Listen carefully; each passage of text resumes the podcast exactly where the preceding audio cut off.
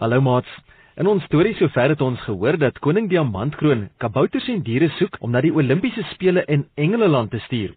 Ollie die olifant en Karel Kabouter wil baie graag gaan, maar Gomtor die gorilla wil nie hê enigiemand anders moet deelneem nie, omdat hy al die medaljes vir homself wil wen. Karel en Ollie het vir koning Diamantkroon hiervan gaan vertel, maar voordat hulle iets kon doen, het Gomtor by die paleis ingestorm om vir koning Diamantkroon te vang.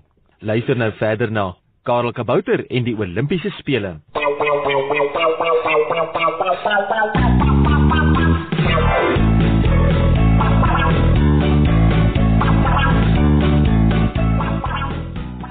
Koning Diamantkroon frons kwai toe die groot swart gorilla Gomtor al grommende op hom afgestap kom.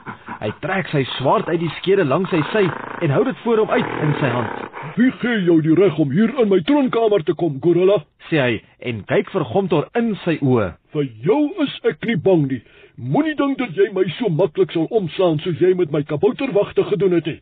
Gomtor, die gorilla, grom en hy lag. ek is baie sterker as jy, koning Diamantkroon. sê hy en stap dreigend nader. Jy is nou my gevangene en sal doen soos ek sê.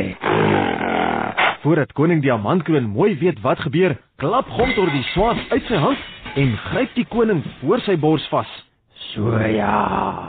Grom hy en begin koning Diamantkroon se hande vasbind met die mantel wat om sy skouers hang. Nou sal ons sien wie is bang vir wie en wie is baas. Koning Diamantkroon spartel en skop soos hy probeer loskom. Die volgende oomblik hoor Gomtor die harde trompeter van 'n olifant agter hom.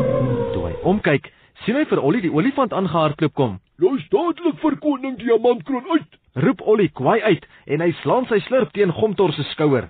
Gomtor struikel eenkant toe en koning Diamantkroon ruk hom los uit Gomtor se hande. Ek sal nie toelaat dat jy vir koning Diamantkroon seermaak nie, Gomtor. Baklei 'n slag met iemand net so groot soos jy. Roep Ollie uit en hy gaan staan op sy agterpote voor Gomtor en trompeter hard. Gomtor probeer regop spring, maar Ollie stamp hom weer met sy slurp dat hy op die grond val. Hy grom kwaai en hol eenkant toe om op sy voete te kom. Dink jy ek is bang vir jou, olifant? Ek sal jou 'n ding wys. Toe Gomtor op die grond val, spring Karel Kabouter bo-oor hom en hardloop na twee kaboutersoldate wat Gomtor in die gang platgeslaan het. Hy gryp hulle boeie uit hulle sakke, hardloop terug en voordat Gomtor mooi weet wat gebeur, het Karel sy hande met die een stel boeie vasgemaak. Hy gooi die ander stel boeie na Ollie en hy roep: Vang Ollie, boei kom toe se voete hiermee vas. Ollie vang die boeie met sy slurp en hy gaan sit met sy groot lyf op die spartelende en skoppende Gomtor, die gorilla. Hou op skop, Gomtor. sê Ollie en hy gryp sy twee voete in sy groot olifant hande vas. Hy klap die boeie om Gomtor se voete en hy staan toe op. So ja, koning Diamantkroon. sê Ollie en hy tel vir Gomtor op sy skouer en stap met hom tot voor koning Diamantkroon wat weer op sy troonstoel gaan sit het. Hier is die self is 'n selfsugtige 'n selfsugtige een van wie ons gepraat het. sê Ollie en laat gly vir Gomtor van sy skouer af terwyl hy met 'n groot glimlag na Karel Kabouter kyk. Ek het die groot woord onthou, Karel. Selfsugtig. Gomtor die gorilla grom en hy spartel, maar loskom van die boeie is pure verniet. Wag net dat ek julle in die hande kry, kabouter en olifant. Dan sal ek julle 'n ding of twee wys. Koning Diamantkroon staan op van sy troonstoel af en stap na die spartelende Gomtor. Dis eerder ons wat jou 'n ding of twee gaan wys, Gomtor. Sê koning Diamantkroon kwaai. Hoe kon jy gedink het dat ek net vir jou na die Olimpiese spele sou stuur? Ah nee, ah, dis mos selfsugtig net soos Ollie daar sê. Koning Diamantkroon kyk na Ollie wat agter Gomtor staan.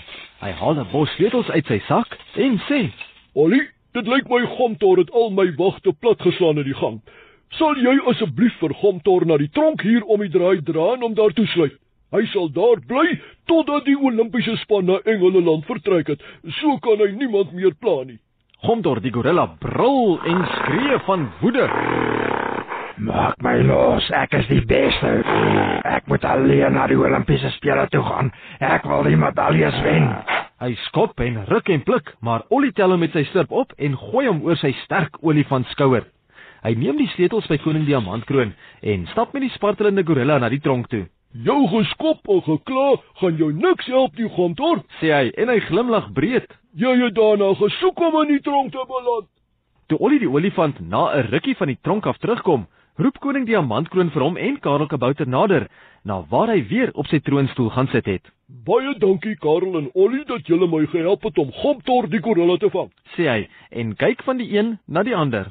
Gaan julle twee ook wil deelneem aan die Olimpiese spele in Engeland? Karel Kabouter se oë blink en hy is baie opgewonde, Ja, koning Diamantkroon. sê hy en hy sit sy arm om sy beste dieremaatjie, Ollie die olifant se skouer. Toe plits u boodskapper Kabouter vir ons die nuus bring dat u 'n Olimpiese span na Engeland gaan stuur, het ek en Ollie dadelik begin oefen. Ollie die olifant stoot sy bors ver uit, Ons twee het gedink dat ons miskien 'n kans staan, U Majesteit. sê hy en hy stoot sy twee arms in die lug op en probeer sy spiere maak. Ek het gedink dat my arm sterk genoeg is om gewigte op te tel en Karel wil in Engeland hekkies gaan bou. Karel Kabouter glimlag omdat Ollie dit weer verkeerd het. Ek wil nie hekkies gaan bou nie, koning Diamantkroon. Sê hy en hy skud sy kop. Ek wil oor die hekkies gaan hardloop. Koning Diamantkroon laat sak sy kop. Hy sit sy een hand onder sy ken en hy dink diep. Toe kyk hy op en hy glimlag. Mm, ek het 'n plan, Karel en Ollie.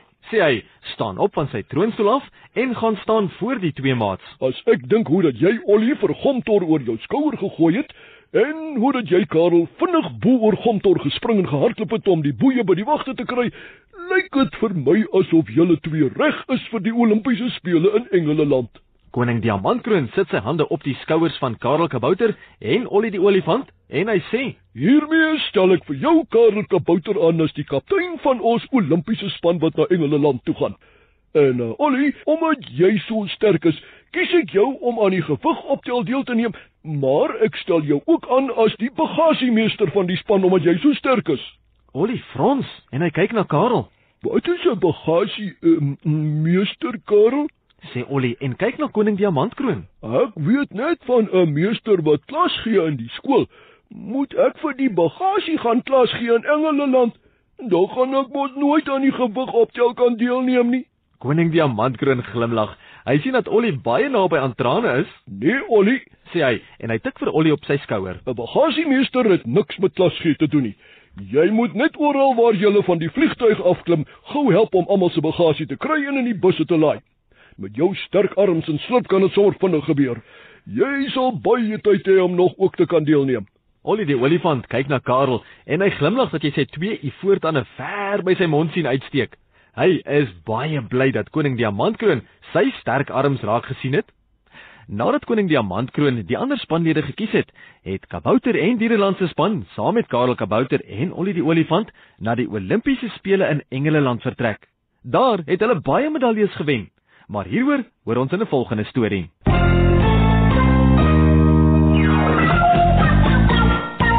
Liewe maats, ons lees in die Bybel in 1 Korintiërs 9 vers 24. Weet julle nie dat atlete wat aan 'n wedloop deelneem, wel almal hardloop, maar dat net een die prys ontvang nie? Hardloop dan so dat julle die prys kan wen. Ons is almal soos atlete in God se atletiekspan hier op aarde en weet jy, elkeen van ons is wenners. Al staan ek nie eerste in my klas nie of al speel ek nie in die eerste span nie, gee God vir jou en vir my die wenprys as ons vir hom lewe. Ek groet tot 'n volgende keer. Totsiens. Yeah!